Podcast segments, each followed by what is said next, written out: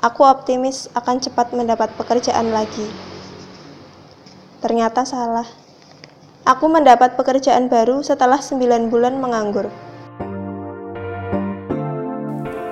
Hai, kamu sedang mendengarkan Jangan Nyasar, podcast yang membahas hal-hal ringan tentang anak muda yang kadang bingung, kesasar, tapi ada juga yang tahu jalan. Selamat mendengarkan.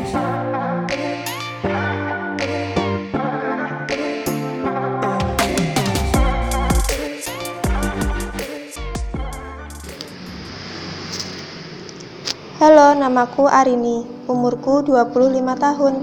Aku lulus tahun 2017 dan mendapat pekerjaan pertama di tahun 2018 sebagai seorang kasir.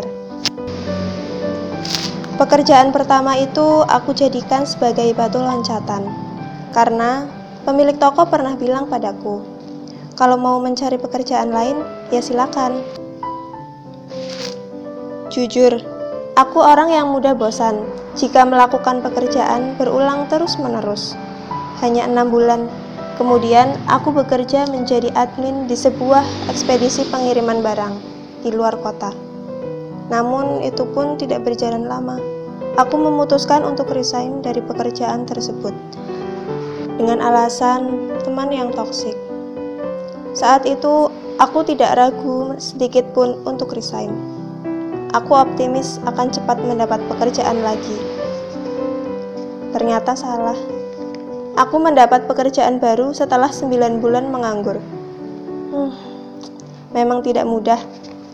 Namun, di pekerjaan baruku, aku juga mendapat keinginan untuk segera resign. Namun ini berbeda. Aku menahan keinginan itu. Ragu harus resign atau tidak. Sempat berpikir tiga bulan resign, namun tertahan. Aku tetap melanjutkannya karena teman-teman di sana sangat membuatku nyaman. Namun satu hal yang membuat aku membulatkan tekadku untuk resign. Sistem perusahaan yang membuat aku seperti tertekan dan aku benar-benar tidak bisa lagi untuk melanjutkan. Tidak bertahan sampai enam bulan, lima bulan pun aku sudah resign. Di situlah aku memutuskan untuk menyerahkan surat resign. Aku percaya kepada diriku sendiri, dan sedikit pun aku tidak menyesal akan semua keputusan yang aku ambil selama ini.